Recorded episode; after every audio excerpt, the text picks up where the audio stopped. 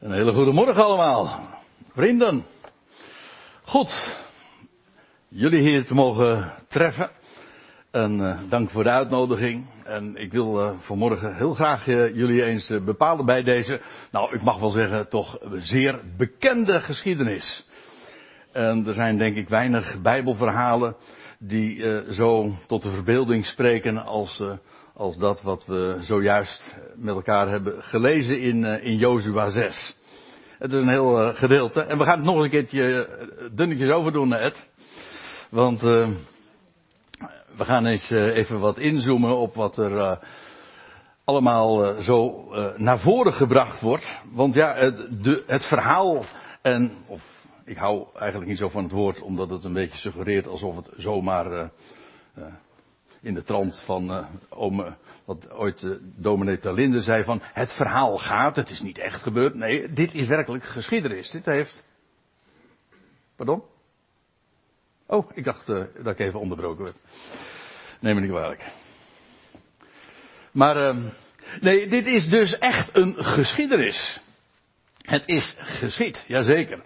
Uh, Laat ik eerst eventjes, dit is Jozua 6, wat we zojuist hebben gelezen en wat we straks wat nader gaan bezien.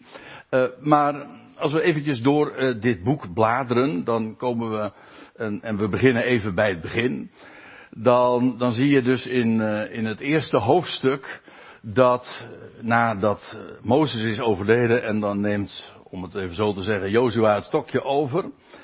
En die brengt hen dan uh, uiteindelijk uh, in het land. Ik zeg uiteindelijk, want ja, daar zijn 40 jaren aan vooraf gegaan. En dan lees je in Jozua 1 dat uh, het volk zich opmaakt om dan binnen drie dagen door de Jordaan te trekken. En dan in het tweede hoofdstuk, de bekende, ook een hele bekende geschiedenis, dat er twee verspieders worden uitgezonden naar Jericho en die verblijven daar dan undercover uiteraard, want er zijn verspieders, uh, bij Rahab de Hoer, zo wordt ze iedere keer genoemd. En dat is natuurlijk heel veelzeggend.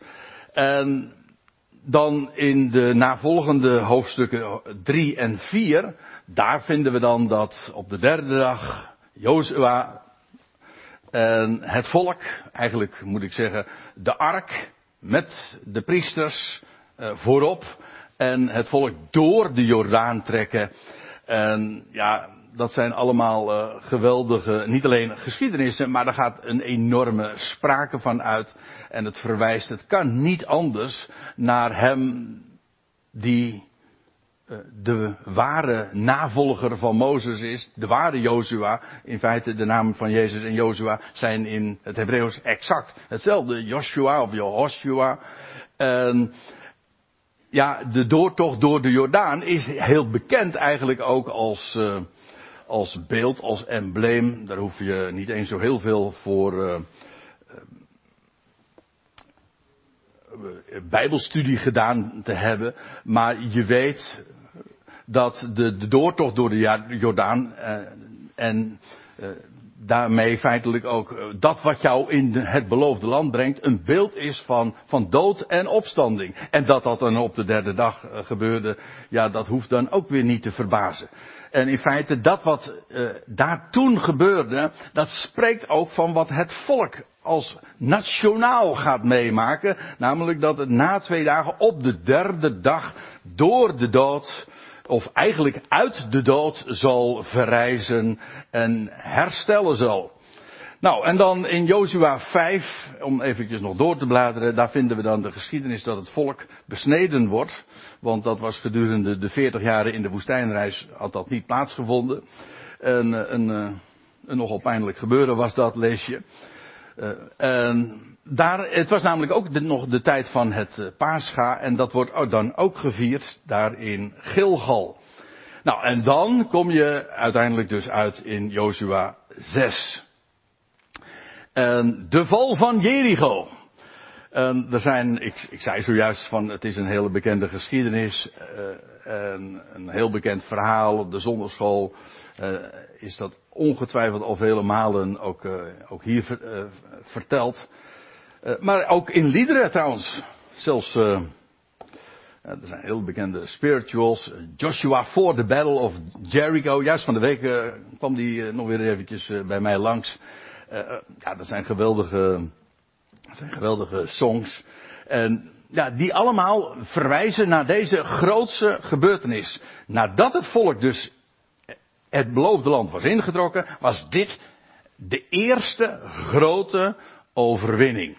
Nou, uh, nog eventjes iets te zeggen over de structuur. Die is in feite heel erg simpel van dat gedeelte wat we gelezen hebben. 1 tot en met 20. In de eerste verse dan wordt de stad in feite al gegeven. En het eindigt dan met hoe de stad daadwerkelijk ook wordt ingenomen. En dan de tussenliggende versen lees je eerst de opdracht om de stad te omtrekken en aangevuld met de belofte. En dan vervolgens in het grootste gedeelte, vers 6 tot en met 15, wordt dan uh, aangegeven hoe deze opdracht daadwerkelijk ook vervuld wordt. Hoe men inderdaad de stad omtrekt, uh, trok. En ook dan wordt dat weer herhaald met de belofte. Dus er zit een hele duidelijke en ook simpele structuur en opbouw uh, in dit gedeelte. Oké, nou. Dat gezegd hebbend, stel ik voor dat we gewoon uh, eens, uh, ja, noodzakelijkerwijs toch enigszins uh, vluchtig, maar toch wat in zullen zoomen op de, de 20 versen die we hebben gelezen. En dat gaan we dus nog een keertje doen. Er staat dus, en ik lees uit de MBG-vertaling, zo heel af en toe wijzig ik een klein beetje en dat geef ik dan aan door het cursief te drukken. maar dan staat er intussen had Jericho de poort gesloten. Met dat intussen wordt er gedoeld op het feit dat zojuist in de versen hiervoor, die zijn dus niet meer gelezen, uh, maar dat Joshua een ontmoeting heeft, een hele aparte ontmoeting. Hij weet uh, in eerste instantie eigenlijk ook niet waar hij mee uh, van doen heeft, maar een, iemand die zich voorstelt als de vorst van het leger des heren, of van het, de vorst van het leger van Yahweh. Die gaat hem dan ook uh, het een en ander aanzeggen. En hij, eigenlijk wat, wat je dan ook leest, is dat hij de schoenen van zijn voeten moet doen. Dat lees je wel vaker. Um, want de grond waarop je staat, wordt tegen Jozua dan gezegd, is heilig. Eigenlijk wat er uh, mee gezegd is ook dit. Dat hele symbool wij kennen dat niet meer. Eigenlijk moslims wel, die kennen dat, dat symbool wel. Van de schoenen van je voeten doen, want de grond waarop je dan je bevindt is heilig. Maar uh, het idee daarbij is, en dat vind ik een geweldige sprake die ervan uitgaat. Ja, je, je, je schoenen, ja, dat spreekt van de wandel. Hè, dat wat de mens doet en uh, hoe de mens ja, zijn stappen zet en wandelt. Wel, op basis daarvan kun je niet bij hem komen. Dan zul je echt dat wat van jou is, moet je afleggen. Want eh, als God aan het werk gaat, dan is alle eer aan Hem en, alle, en alles van jezelf. En dat waar, van jouw wandel is uh, volstrekt onbelangrijk. Dus uh, ja, dat is eigenlijk een prachtig symbool. En voortaan, voortaan als we hier binnenkomen, stel ik voor. Nou, in stad, in stadbijeenkomst uh, is dat inderdaad het gebruik. Maar je zou dat zomaar kunnen doen. Maar in ieder geval het idee, het idee is een hele uh, duidelijke, en maar ook als je eenmaal begrijpt van waar het van spreekt, ja, dan eigenlijk is dat ook een, een samenvatting zou je zelfs kunnen zeggen van het evangelie. Niet, niets van de mens, maar alles van hem. In feite is dat wat hier nou, hier vervolgens ook beschreven wordt, ook, ja, wordt dat verteld. Intussen had Jericho dus de poort gesloten. Het was volkomen gesloten voor de Israëlieten. Niemand kon erin of eruit gaan. En Yahweh sprak tot Jozua. Ik vermoed, en de meeste uitleggers zijn het daar ook wel uh, mee eens, dat uh, als dat zo gezegd wordt, dat dat uh, bij monden is van die genoemde vorst. waar Jozua een ontmoeting mee had. Want die heeft niet alleen maar gezegd, mag je aannemen van de grond waarop je staat is heilig. Nee, hij heeft hem ook het een en ander aan instructies gegeven. Dus als hier staat, en Jaweh sprak tot Jozua, dan is dat wellicht bij monden van de genoemde vorst. Oké, het staat er niet zwart op wit, maar het lijkt mij heel uh, aannemelijk. Hoe dan ook, uh, sprak tot Jozua, zie, ik geef Jericho met zijn koning, want ja, in feite al die staten, al die steden waren feitelijk staten. Bij ons is dat allemaal uitgebreid, maar toen de tijd uh, was een stad, een staat op zich en had een eigen koning. En dan staat er, en zie, ik geef, dat zegt Jaweh dus, de Heere God zelf, ik geef Jericho met zijn koning de krachtige helden in uw macht. En de nadruk ligt natuurlijk op ik geef. Dat is mijn daad. En ook hier zie je dus weer, uh, dat is niet iets van jou. Je, uh, jullie hoeven ook niks te doen, dat zal vanzelf ook wel blijken. Ik geef het je. Alsjeblieft. Gij moet de stad, uh, om de stad heen trekken, terwijl alle krijgslieden eenmaal om de stad heen gaan. Eerst worden hier dus de, die, de strijdlieden aan, aangesproken. Die moeten voorop gaan, dat zullen we ook zien. En zo moet gij zes dagen doen. Terwijl zeven priesters, zeven ramshorens voor de ark uitdragen. Die, uh, er is een beetje wat uh, gedoe over, of in ieder geval in de vertalingen, want er blijkt nogal wat verschil te zijn in de wijze waarop dat wordt weergegeven. Uh, de Statenvertaling is ook wat anders, die, die heeft het dan over bazuinen. Dat is, het is inderdaad wat gecompliceerd, want in het Hebreeuws staat hier het woord shofar, dat kent u wellicht. Maar een shofar, dat is dat eerst dat linkse plaatje, dat is een ramshoren. En, en, maar dat wordt in het Hebreeuws onderscheiden van een de bazuin, een trompet. Wij maken dat verschil ook. Maar het is een beetje ingewikkeld in die zin dat in het Grieks, in de Septuagint, en dat zie je dus ook in het Nieuwe Testament, eh, is het begrip bazuin uh, is eigenlijk een paraplubegrip. Beide wordt daar uh, onder verstaan. Dus als je in het boek, om maar wat te noemen, als je in het boek Openbaring leest over de bazuinen, ik kom er straks nog even op terug, dan, ja, of daar dan gedoeld wordt op de ramshoren dan wel op een trompet, dat blijkt niet uit het woord zelf. Oké. Eh, hier in het Hebreeuws is het in ieder geval strekt helder. Het gaat hier over ramshorens. Ik vind het eigenlijk ook wel mooi. Een hele, eh, de gedachte daarbij is ook weer die weer van, van dood en opstanding. Want een, ja, wat is een ramshoren? Ja, dat, is, dat was een ram. Dat geslacht is, niet meer leeft. En toch, nadat hij gestorven is, brengt het toch nog geluid voort. Er gaat sprake van uit. Een heel belangwekkende sprake zelfs. En daar komt erbij dat een, een hoorn in de Bijbel ook een type is van koningschap. De tien horens die gij zaagt, dat zijn tien koningen.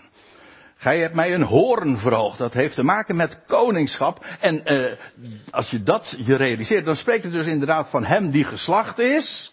Maar die vervolgens de koning is en van wie een geweldige sprake uitgaat. Dat is de ramshoorn.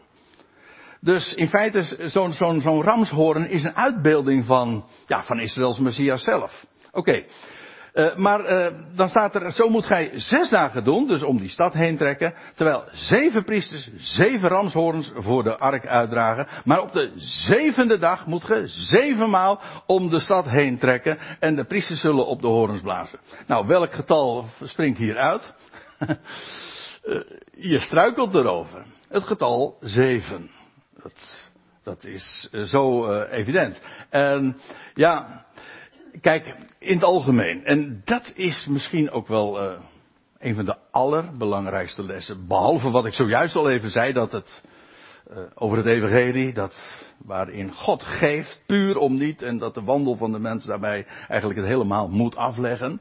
Ja, maar eh, in feite wat je in deze geschiedenis ziet, is dat God gaat de overwinning geven wanneer in feite, wat hier uh, vooral naar voren gebracht wordt, is de timing. Op de zevende dag. Ja, zes keer moeten ze om die stad heen trekken, zes dagen lang. Ja, maar het, het, het haalt niks aan. Ik bedoel, er gebeurt niks. Maar om een zevende keer, uh, om op de zevende dag en dan nog eens een keer zeven keer ook, uh, om de stad heen te trekken. voor, de, voor de zevende keer dus ook nog eens. Ja, dan moet je dus wel uh, eerst uh, nog zes keer uh, om die stad heen trekken. Hè? Ik bedoel, om een zevende keer om, de stad, oh, om de stad heen te trekken, moet je eerst zes dagen daaraan voorafgaand dat ook doen.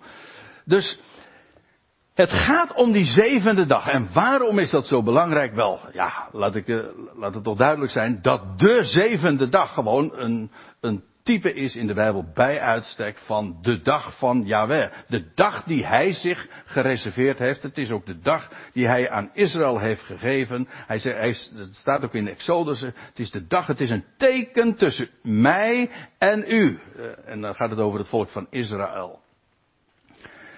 En en in feite de dag van Yahweh. Wij kennen, de dag des Heren is toch ook vooral een profetische term, waarbij we altijd denken aan de grote dag dat, uh, dat God gaat ingrijpen in de hele gang van zaken in deze wereld. En ja, orde op zaken gaat stellen. En zijn dag, dan breekt voor deze wereld de grote Shabbat aan. Er, er, er, is, er staat in de Hebreeënbrief ook, God heeft een dag weggelegd en gereserveerd. Er blijft een dag, een Shabbat, over voor zijn volk. En dat is die zevende dag. Hè. Uh, ik moet trouwens ook nog even bij, uh, uh, bij zeggen dat in dit geval deze geschiedenis valt ma na Pascha. En dus op weg naar Pinksteren. Maar Pinksteren, dat is ook weer 7 maal 7. Hè? Dat is de vijftigste dag. Je gaat er volgen een week van weken. 7 maal 7 dagen. En dan na de 7, uh, na, na die 7 weken, krijg je dus de vijftigste dag en dat is Pinksteren. Wel, in die tijd vindt deze overwinning op Jericho plaats. Maar wat ik vooral wil vertellen is dit. En ja, zojuist gaf, uh, las Ed nog even dat voor in de introductie. Uh, wat ik ook in de aanloop van deze samenkomst naar voren heb gebracht. Als een soort van teaser. Van, ja, wat maakt deze uh, geschiedenis zo hoogst actueel? Ik bedoel, je kan zeggen van, ja, hallo, het is inmiddels uh, 3500 jaar geleden dat dit heeft plaatsgevonden. Dat is al heel, heel lang geleden. Ja, maar als je je realiseert dat de boodschap is op de zevende dag gaat de overwinning plaatsvinden en God gaat dat geven. Ja, waar spreekt dat van? Wel, ja, van de grote dag die gaat aanbreken, van de, de dag des Heren. Maar weet je wat het geweldige daarvan is? Ja, ik, dat, dat, om de tijd te verstaan moet je je dat gewoon realiseren. Dat de hele wereldgeschiedenis, als je vanaf Adam rekent, dat is een periode van pakweg 6000 jaar. Ik zeg pakweg en ik bedoel het eigenlijk vrij exact. Want van Adam tot Abraham is 2000 jaar. En dan van Abraham tot Christus is 2000 jaar. En nu zijn we bijna weer 2000 jaar verder. Dat Christus stierf en opstond en ten hemel voer. En dat betekent dus dat er zes dagen van duizend jaar voorbij gegaan zijn. Ik zeg dit zo omdat God nu eenmaal zo rekent. Voor hem is één dag als duizend jaar. En dat wordt maar nog eens herhaald. En duizend jaar als één dag. Met andere woorden, dat wordt onderstreept. Dat zie je trouwens ook als je anders rekent, namelijk vanaf de opstanding van Christus, de dood en opstanding, hè, dan zijn er nu dus eigenlijk bijna twee dagen verstreken. En dat wil zeggen, de derde dag is aanstaande. Wel, als wij nu in 2023 leven, en dat gaat me nou helemaal niet om een, een date te zetten, hè, of, zoals de Engelsen dat noemen, date setting, een dag neer te zetten of een jaar maar het gaat mij erom om alert te zijn. Om te weten in wat voor tijd we leven. Dat die grote dag van Yahweh, die is aanstaande. Die gaat komen. En dat is niet alleen maar omdat je dat ziet aan allerlei tekenen en dat wat er in het Midden-Oosten de afgelopen eeuw heeft plaatsgevonden van uh, die hele, uh, die hele, uh, dat hele landenpatroon zoals dat in het Oude Testament was, zoals dat, dat weer helemaal nieuw opnieuw gereconstrueerd is en dat er weer een Joodse staat is in Jeruzalem, et cetera. Ja, maar ook chronologisch. Had je niet anders mogen verwachten, de zevende dag sinds Adam, of voor mijn part de derde dag sinds Christus dood en opstanding, is nabij. En dat moet je weten. En dat betekent dat er nooit een tijd is geweest om zo alert te zijn op, op wat er plaatsvindt. En zo onze hoofden omhoog te richten en zeggen van, nou, het gaat binnenkort gebeuren. Ja, en die verwachting, eh, ja, die, uh, die is niet alleen geweldig, maar is ook hoogst actueel.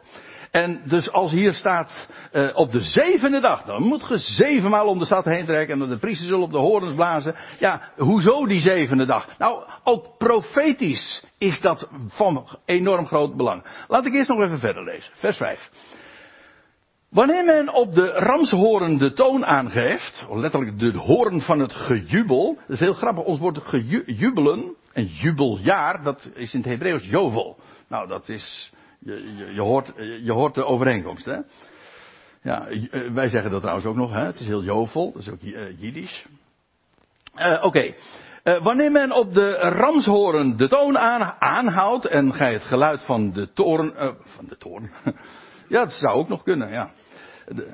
Want het is ook een dag van toren. Nee, maar het is de, het geluid van de horen verneemt. Want in feite zo'n horen, dat begrijp je wel, dat is natuurlijk, uh, dat is geen muziekinstrument. Je, kunt er, je kan er wel een hoop herrie mee maken en een signaal mee afgeven. Maar het is niet iets uh, om muziek mee te maken. Daar is een trompet of een bazuin weer voor geschikt.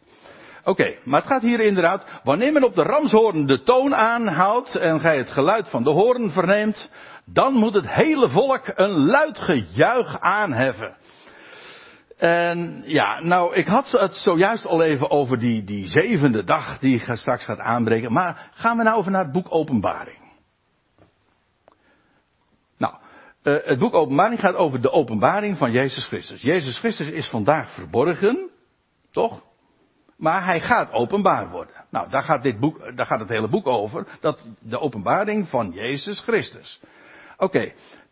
Het is dus niet de openbaring van Johannes, eh, zoals eh, heel vaak gezegd wordt. Nee, het is de openbaring van Jezus Christus. En staat er dan bij. Uh, Johannes wordt dan verplaatst. Hij, hij, hij, maakt eigenlijk een soort van tijdreis mee, want hij wordt verplaatst, staat er in dat eerste hoofdstuk, in de dag van de Heer.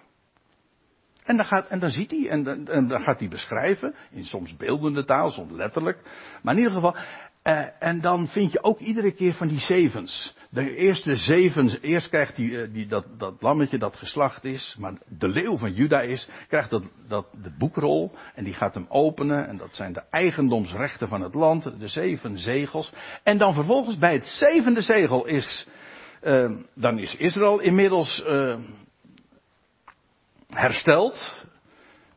Ja, ik kom nu een beetje in de verleiding om, uh, om dat uh, nader uit te werken en wat toe te lichten, maar de tijd ontbreekt mij. Dus houd, ik houd hier eventjes bij. Maar het gaat erom, als die zevende, zee, als die zevende zegel dan geopend is, dan vervolgens komen er nog eens zeven bazuinen, waarna heel de volkerenwereld ook onderworpen wordt. En dat zijn ook enorme grootse gebeurtenissen die dan beschreven worden.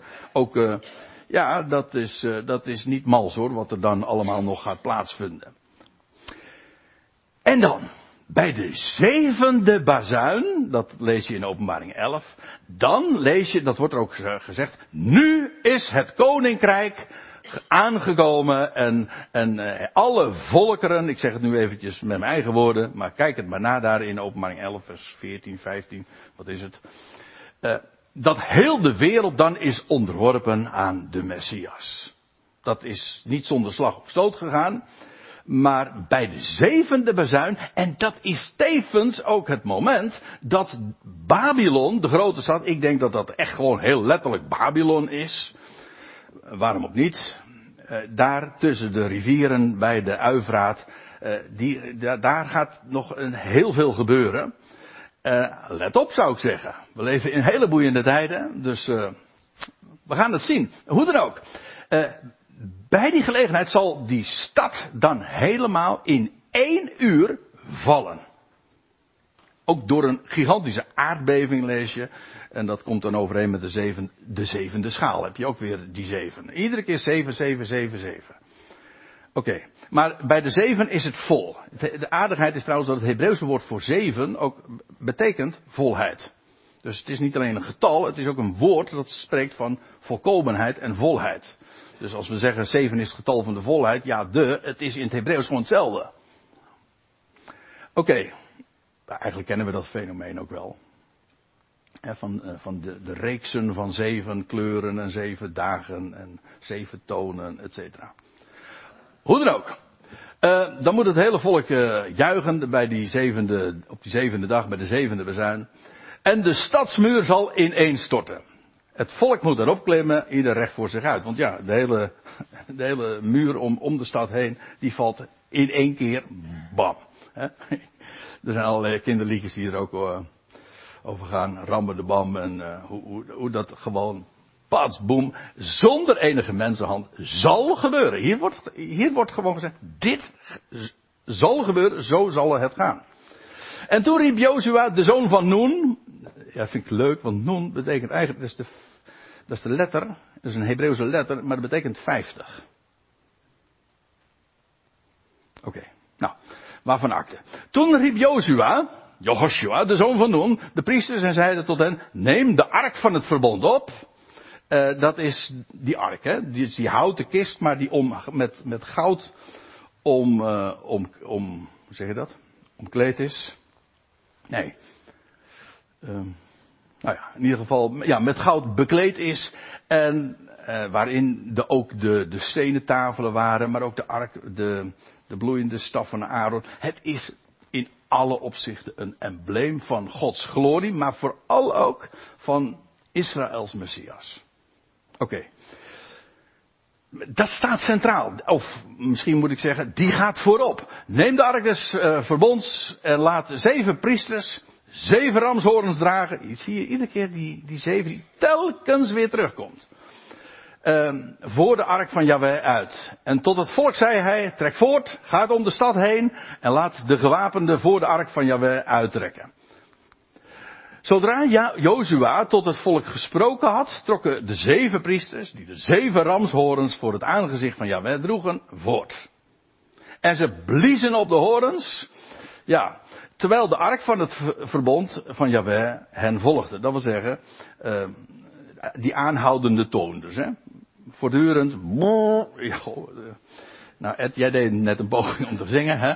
Uh, ik ga geen poging doen om een ramshoren na te doen. Zo'n mooi geluid vind ik het trouwens helemaal niet. Maar het signaal is wel helder. Uh, Oké. En de gewapenden, ik, ik moet even doorgaan zie ik. Want ik heb geen zeven dagen de tijd. uh, en ook geen zeven uur, nee. En de gewapenden gingen voor de priesters uit, die de horens bliezen. En de achterhoede, het volk, kwam achter de ark aan, terwijl er voortdurend op de horen geblazen werd.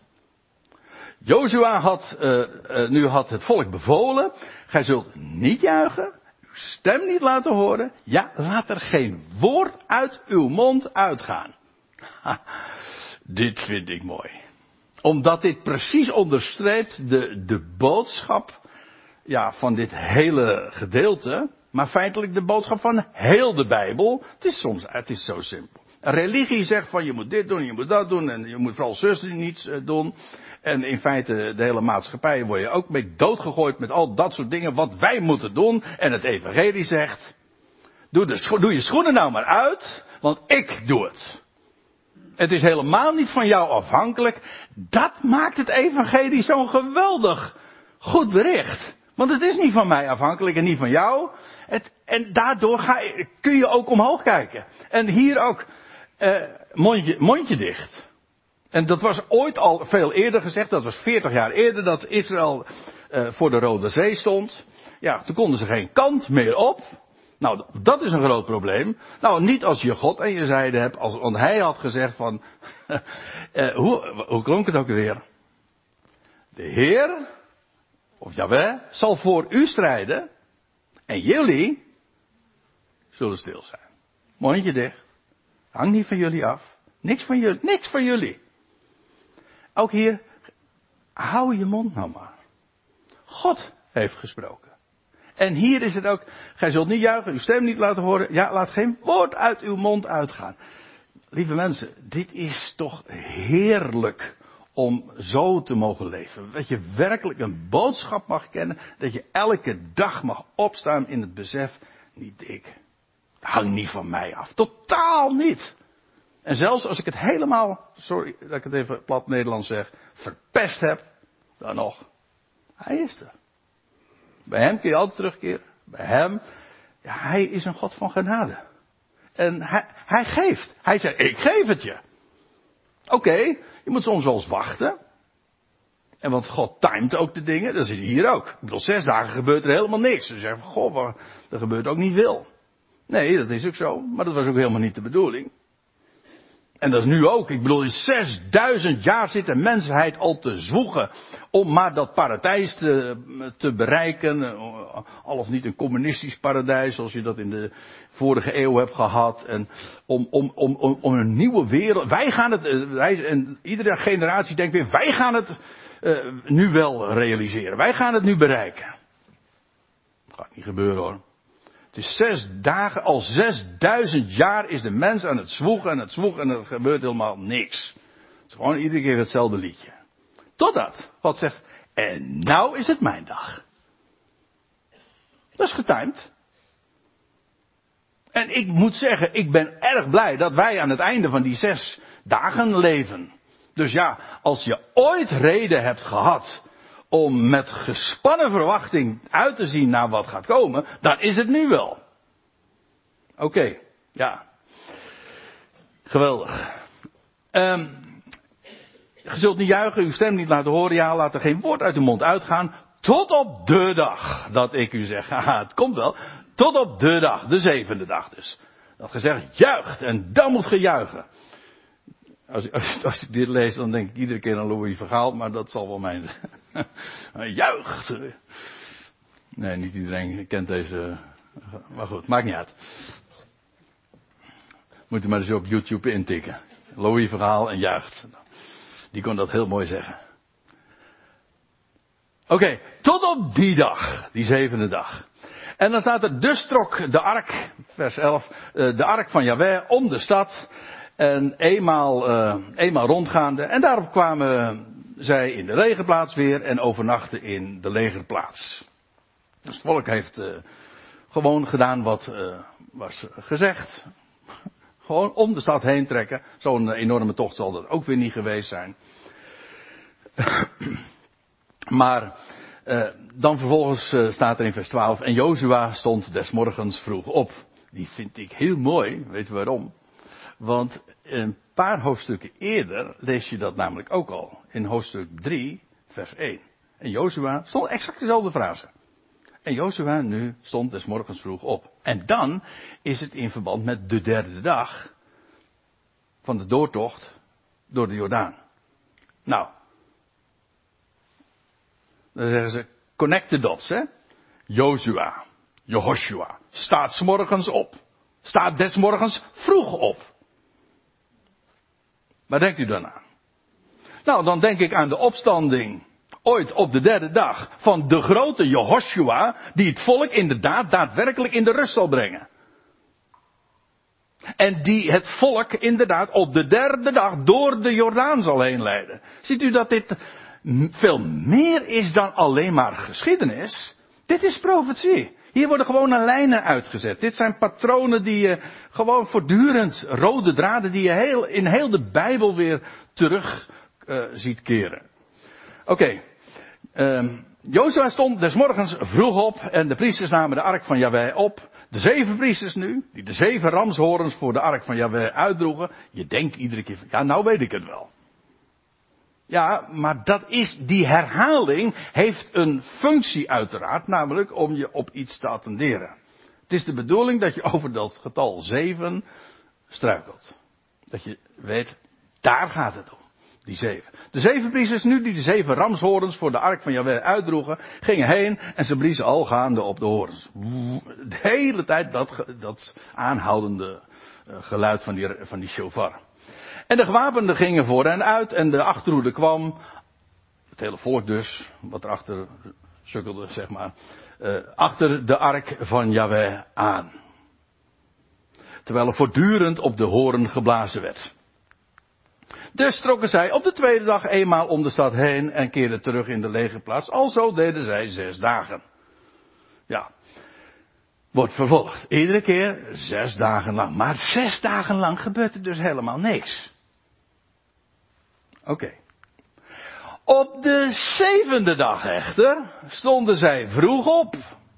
Zodra de dageraad gekomen was, dus zodra het dag werd, in de morgen stond, zodra de dageraad gekomen was en trokken uh, op dezelfde wijze zevenmaal om de stad heen, waarmee maar dus bevestigd wordt. Dus dat is heel uh, goed te doen geweest voor dat volk om dat zeven keer te doen. Oké, ze stonden vroeg op, maar uh, niettemin hebben ze zeven keer om die stad heen gelopen. Zevenmaal om die stad heen, alleen op die dag trokken zij, in dit geval die zevende dag, trekken ze niet één keer om die stad heen, maar zeven keer om de stad heen. Ja, met andere woorden, in totaal. Ze hadden zes keer om de stad heen getrokken. En op de zevende dag trekken ze nog eens een keertje zeven keer eromheen. Dat betekent dus. En ik denk zo, maar het is mijn idee, dat dat ongeluksgetal 13 uit Jericho komt. Dat bedoel ik niet zo serieus als, als dat misschien uh, uit de mond komt, maar uh, je kunt je voor. 13 in het algemeen is. 12 is ook altijd een, een, een reeks. Hè?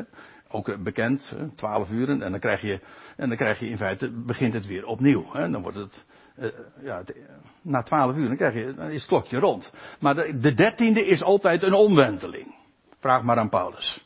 Dat was een dertiende apostel ook. Al, nou, dit, in Jericho was het in ieder geval een omwenteling. Hè, want die hele stad werd omgekeerd. Op de zevende dag echter stonden ze vroeg op, zodra de dageraad gekomen was, en trokken op dezelfde wijze zevenmaal om de stad heen. Alleen op die dag trokken zij zevenmaal om de stad heen. Toen de priesters bij de zevende maal op de horens bliezen, dus ja, het, het, het, het, verhaal bouwt zich op en het culmineert. Nu komen we, zijn we inderdaad bij de zevende dag. En dan ook nog eens een keertje de zevende keer om de stad heen getrokken. En dan met die zeven bazuinen eh, bij de zevende maal op de horens bliezen zij, zeiden Jozua tot het volk, juicht, want Yahweh heeft u de stad gegeven. Dus in feite, waarom? Hoezo juichen? Nou, God had het al gegeven. In die zin, uh, Ed, uh, jij zegt van, ik weet niet precies wat de link is tussen wat ik vertel, de dankbaarheid en wat, wat André straks gaat vertellen. Ik heb hem. Hier. Juicht. Want hij heeft het, hij heeft het al op voorhand gegeven. En, en dat zie je gewoon hier uh, voltrekken. Ik vind het een geweldige, uh, geweldige. Juicht, want God heeft u de stad gegeven. En in feite op voorhand kun je je zo overblijden. Dat is eigenlijk wat hoop is. Hoop en verwachting. Ik vind, ik vind het zo mooi. Daar kun je aan optrekken. In het Hebreeuws is het woordje voor hoop ook tikva. En dat is eigenlijk een, een, een, een draad. Een koord. Hetzelfde koord als wat trouwens ook uit de, de, muren van Jericho. Bij, in het huis van uh. Dat rode koord, dat scharlakenkoord, dat was ook tikva. Dat is hoop. Ja, maar ik bedoel dit te zeggen. Wij hebben hoop. Waarom? God heeft gesproken en wij verheugen ons op voorhand. Je kunt zeggen van ja, als het straks eenmaal daar is, uh, dan, ga ik, uh, dan ga ik me verblijden als de, als de hoop vervuld wordt. Maar waarom niet? Waarom wachten? Ik, als God gesproken heeft en het gaat gebeuren, dan kun je toch op voorhand al, ja, hoe gaat het met, met vakanties toch ook zo vaak? Eh, de, de, je, je, als, als je weet dat het gaat komen, dan kun je daar, dan kun je al enorm genoten hebben van de vakantie voordat je de deur uit bent. Nou, en dat is altijd nog maar afwachten. Maar hier hebben we het over, over God die dingen aankondigt, voorzegt, belooft. Nou, is dat een reden om je te verblijden of niet? Op voorhand. Waarom, waarom wachten? Ik vind het wel eens uh, grappig, als, mag ik nog zeggen, ja. Uh, dat mensen dan zeggen vaak naar, van, uh, ja, er komt een moment, als je dan door, door tragische dingen heen gaat, er komt een moment dat je heel blij zal zijn dat het gebeurd is. er komt een moment dat je er vrede mee zult hebben. En denk als je dat nou weet, Waarom wacht je daar dan op? Nou ja, die geef ik zo even mee ter, uh, ter overweging. Dat denk ik dan. Uh, God heeft, of Jaweh heeft u de stad gegeven. En dan wordt er nog iets bij gezegd, dat is, uh, dat is belangrijk in verband ook met het vervolg. Doch de stad en alles wat erin is, zal door de ban Jaweh gewijd zijn. En dat betekent, al, want dat is een bijbels principe, al het eerste, is van God. Eist hij op. Het eerstgeborene, de eerste vrucht. Maar in dit geval ook de eerste stad die nu ingenomen wordt, is helemaal van God. Niks is van de mens en ze mochten ook, er ook niks van nemen. Maar dat is een geweldig Bijbels principe. Het eerste krijgt altijd in feite ook de hoogste bestemming. Het is van Hem. Al wat, de, er staat een heel plechtig in de Statenverdaling dan, al wat de baarmoeder opent, dat is voor mij. En er staat er nog bij, alleen de hoer Rachop zal in leven blijven, zij en allen die met haar in het huis zijn. Weet u wel, zij die allemaal uh, dat koord hebben. Uit die, dat huis. Die hoop hebben. En alle die met haar in het huis zijn, omdat zij de bode die wij uitgezonden hadden, heeft geborgen. Ja, het waren weliswaar heidenen. Maar uh, daar heeft God ook uh, een geweldig plan mee. Oké.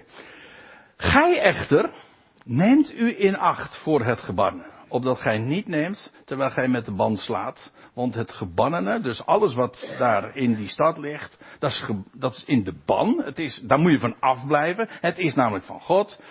En, uh, dat gij niet van het gebannene neemt en de legerplaats van Israël onder de ban brengt en in het ongeluk stort. In feite is dit al een introotje voor wat er in Jozua 7 wordt beschreven, namelijk wat Agan zou gaan doen. Die vervolgens dan ook heel, dan zie je echt hoe, God, hoe serieus God dat neemt, want Agan met zijn hele huis wordt gestenigd. Want het eerste was voor mij. En Israël werd in het uh, ongeluk gestort. Oké. En er staat er nog bij. En al het zilver en goud en al de koper en ijzeren voorwerpen zullen Jaweh heilig zijn. En het zal bij de schat van Jaweh komen. Dus alles, alles, alles wat er in die stad is, alles wat kostbaar is, dat is van Jaweh. Nou nog even één vraagje.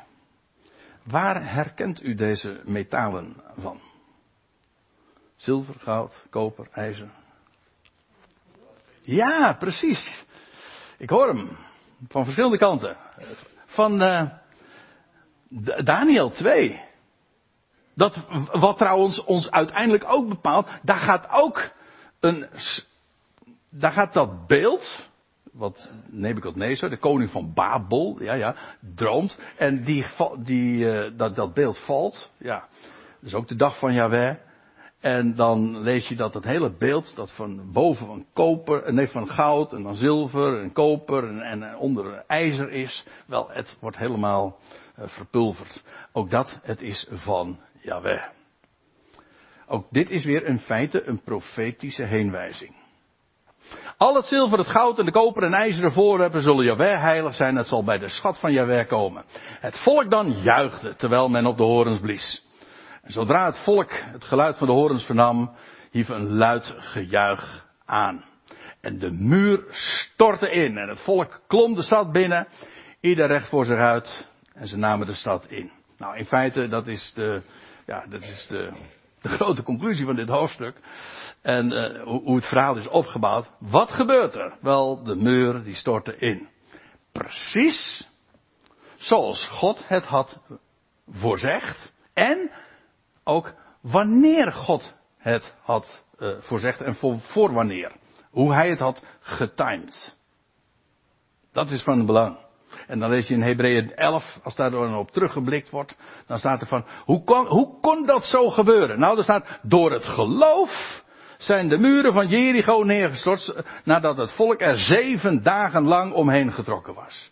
Nou, ik hoop dat één ding duidelijk is uh, geworden. Het is, geen, het is geen moeilijk verhaal. Het is heel simpel. Ik bedoel, het wordt niet voor niks in de zonderschool verteld. Het verhaal is zo eenvoudig. De geschiedenis is zo simpel. Maar wat een sprake gaat er vanuit. God geeft.